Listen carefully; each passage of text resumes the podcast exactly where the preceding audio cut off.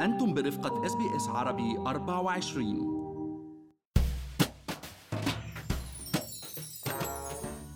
دفعت الحكومة الفيدرالية بشهر آذار مارس الماضي 750 دولار إضافية كدفعة واحدة لكل متلقي إعانات ال Centrelink ضمن خدماتها التحفيزية للاقتصاد الأسترالي. وبلغ مجموع هاي الدفعات 4 مليارات دولار ونص واستفاد منها حوالي 6 مليون ونص أسترالي. ولكن يا ترى وين صرف متلقي الإعانات هاي الدفعة؟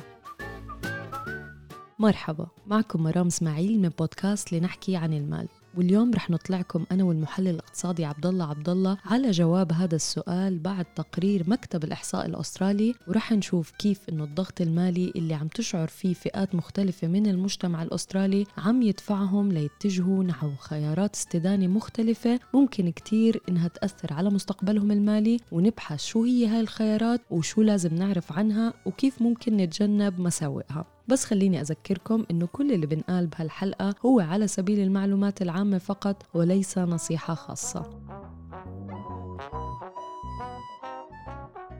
عبد الله إذا دخلنا شوي بتفاصيل نتائج مكتب الإحصاء الأسترالي عن شو عملوا متلقي إعانة ال 750 دولار بأستراليا بنلاقي إنه فعلا على صعيد البلد ثلث المتلقين ما صرفوا هذا المبلغ وتقريبا الثلث الثاني صرفوه على دفعات فواتير منزلية. بالفعل مرام وهذا الإحصاء يلي أجراه مكتب الإحصاء المركزي على حوالي 2600 شخص. أظهر بعض الجوانب الإيجابية وبعض الآخر من الجوانب السلبية.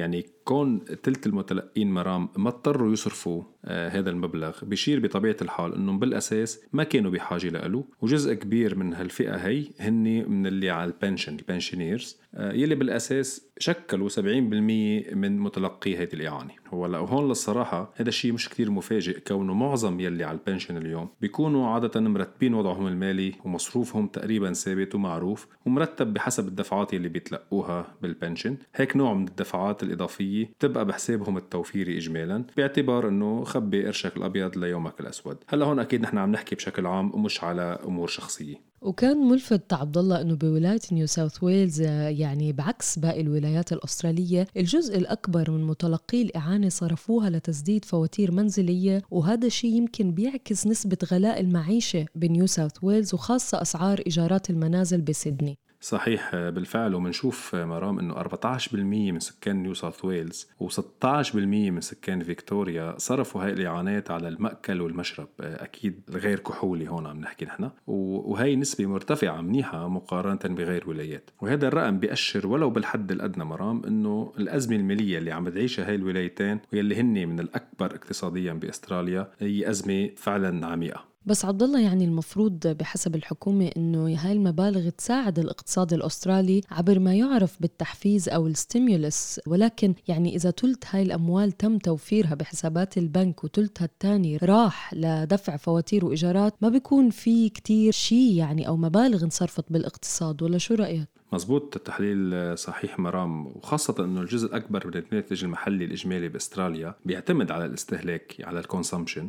وأكيد ثقة المستهلكين هي من أبرز المؤشرات مرام اليوم يلي بيطلعوا عليها المحللين الاقتصاديين. يعني وقت أقل من ثلث هذا المبلغ بيذهب للاستهلاك المباشر بيكون فعلا فشل بتحقيق الهدف التحفيزي الأساسي من وراء هلأ من المتوقع أنه هاي المبالغ يلي تم توفيرها اليوم بحسابات البنوك ترجع تنصرف بالفترة اللي جاي ونحن إذا ذاكرة مرام كنا بالأساس داعينا المستمعين ببداية هذه الأزمة إنه يصرفوا هاي المبالغ التحفيزية اللي عم ياخذوها من الحكومة على بضائع مصنعة بأستراليا لأنه بهالطريقة نحن بنكون عم نساعد الاقتصاد الأسترالي ككل للنهوض بشكل أسرع. يعني إذا ولا بد من صرف هذه المبالغ فلتكن على بضائع استرالية ومش بضائع مستوردة مرة وبنلفت نظر المستمعين عبد الله إنه هذا الإحصاء يعني اللي عمله مكتب الإحصاء الأسترالي صار بفترة بين 10 و 23 مايو يعني حتى قبل الموجة الثانية بفيكتوريا وقبل الإغلاق. يعني وأنا تقريبا متأكدة إنه إذا عملوا إحصاءات مشابهة بفترة يوليو رح تكون نسب الناس اللي مضطرة للحصول على هاي المساعدات أكثر بالنسبة يعني لدفع فواتير المنزل وفواتير المأكل والمشرب.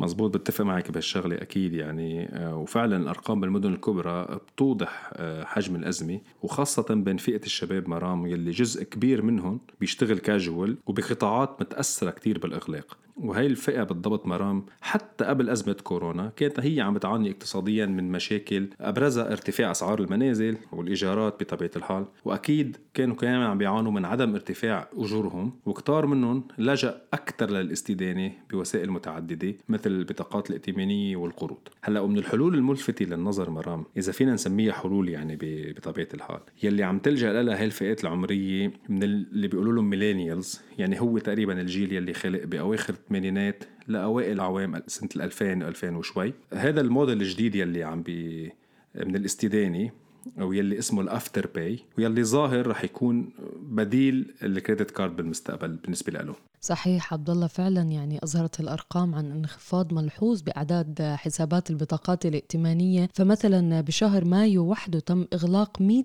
ألف حساب credit card بمقابل ارتفاع مبالغ المشتريات بنظام ال Afterpay. يعني يمكن من أهم حسنات ال Afterpay عبد الله هو أنه بعض هاي الشركات المقدمة للخدمة ما بتحسب فوائد على المبلغ اللي عم بتدينه صحيح آه، هلأ هو مبدأ ال Afterpay مرام أنه واحد بيشتري منتج معين بيدفعوا على دفعات محددة. ومتفق عليها مسبقا آه، مثلا 8 أسابيع أو 6 أسابيع أو غيرها. الشركة المقدمة هاي الخدمة مرام بتحسب رسم إذا نحن ما أمنا بالدفع على الوقت اللي هي بيقولوا لها ال late payment fees وصرنا تقريبا بنشوف هاي الخدمة متوفرة بكثير من متاجر بأنحاء أستراليا وأكيد عبر التسوق أونلاين. واجمالا هاي الخدمة بتستخدم للشراء بمبالغ صغيرة نسبيا من ال 500 لل 1500 دولار تقريبا. بس عبد الله ما في شيء ببلاش يعني. كيف هاي الشركات عم تعمل أرباح؟ هلا هني أول شغلة مرام بياخذوا نسبة من قيمة المشتريات من المتاجر مقابل الخدمة يلي عم بقدموها للزباين. وما تنسي إنه أبرز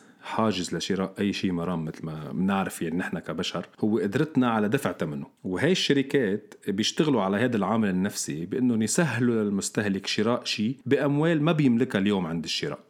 والطريقة الثانية كمان هي عبر الرسوم عبد الله وأبرزها رسوم التأخر عن الدفع ال late payment fees يعني أنت ذكرت الطريقة الأولى اللي هن بياخذوا مثلا نسبة من سعر المنتج من المحل وبيرجعوا بياخذوا late payment fees ولكن أيضا عبد الله في بعض مقدمي هاي الخدمة بيفرضوا فائدة وفائدة مرتفعة قد تصل ل 20% سنويا يعني تقريبا مثل البطاقات الائتمانية. مزبوط يعني وفي منهم وبحسب دراسة اللي عملناها مرام بتوصل نسبة الفوائد لحوالي 29% و30% يعني هون بهالحالة هي محل ال credit card. ومنهم كمان آه، يلي ما بيفرضوا فوائد بتكون ال late payment fees تبعيتهم عالية. مثلا آه، إحدى هاي المنصات أو إحدى هاي ال platform بتفرض 10 دولار عن أول أسبوع بتأخر عند استحقاق الدفعة و7 دولار عن كل أسبوع تأخير بغض النظر عن المبلغ المستحق للدفع. وهون الخطورة مرام. إذا نحن ما قدرنا ندفع المبلغ المستحق علينا بتزيد علينا المبالغ بنسبة فعلا كتير عالية.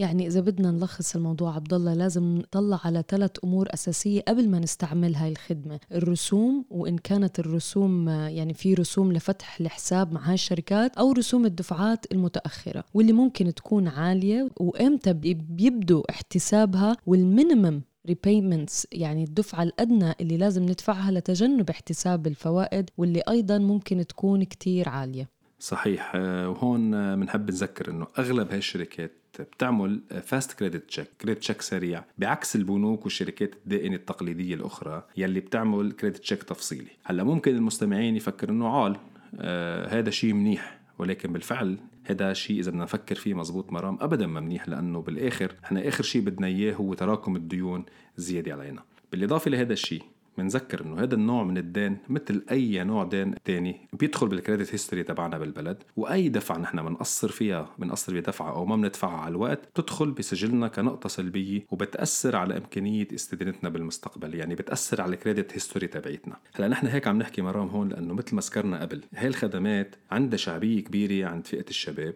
ويلي ما يزال المستقبل قدامهم للاستدانة مثلا لشراء منزل أو البدء بمصلحة تجارية أو استثمار معين. يعني مش محرزة صراحة. تنزل نقطة سلبية على كريدت هيستوري تبعنا بسبب شرائنا لمنتجات استهلاكية. الأغلب أنه نحن فعلا منا بحاجة لها. بالفعل عبد الله يمكن نحن بهاي الفترة أكثر من أي فترة سابقة لازم نحبس وحش التسوق ونكبته ونفكر كتير منيح قبل ما نقدم على استدانة أي مبلغ حتى لو كان صغير يعني على قد بساطك مت إجرك صحيح مرام وهذا وحش التسوق نحن دائما بنحكي فيه بهذا البودكاست ودائما بنحب نذكر بهي القاعدة الأساسية على قد بساطك مد إجريك. يعني أنا مثلا شخصيا مرام بالنسبة لي ال credit card أو أي Afterpay مثلا أو غيرها هن عبارة عن payment facility ومش credit facility يعني أنا وسيلة بستعملها للدفع ومش للاستدانة.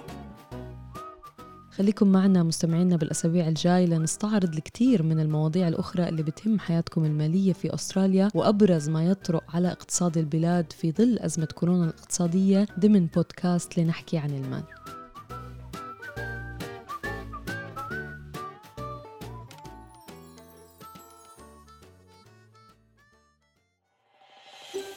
هل تريدون الاستماع إلى المزيد من هذه القصص؟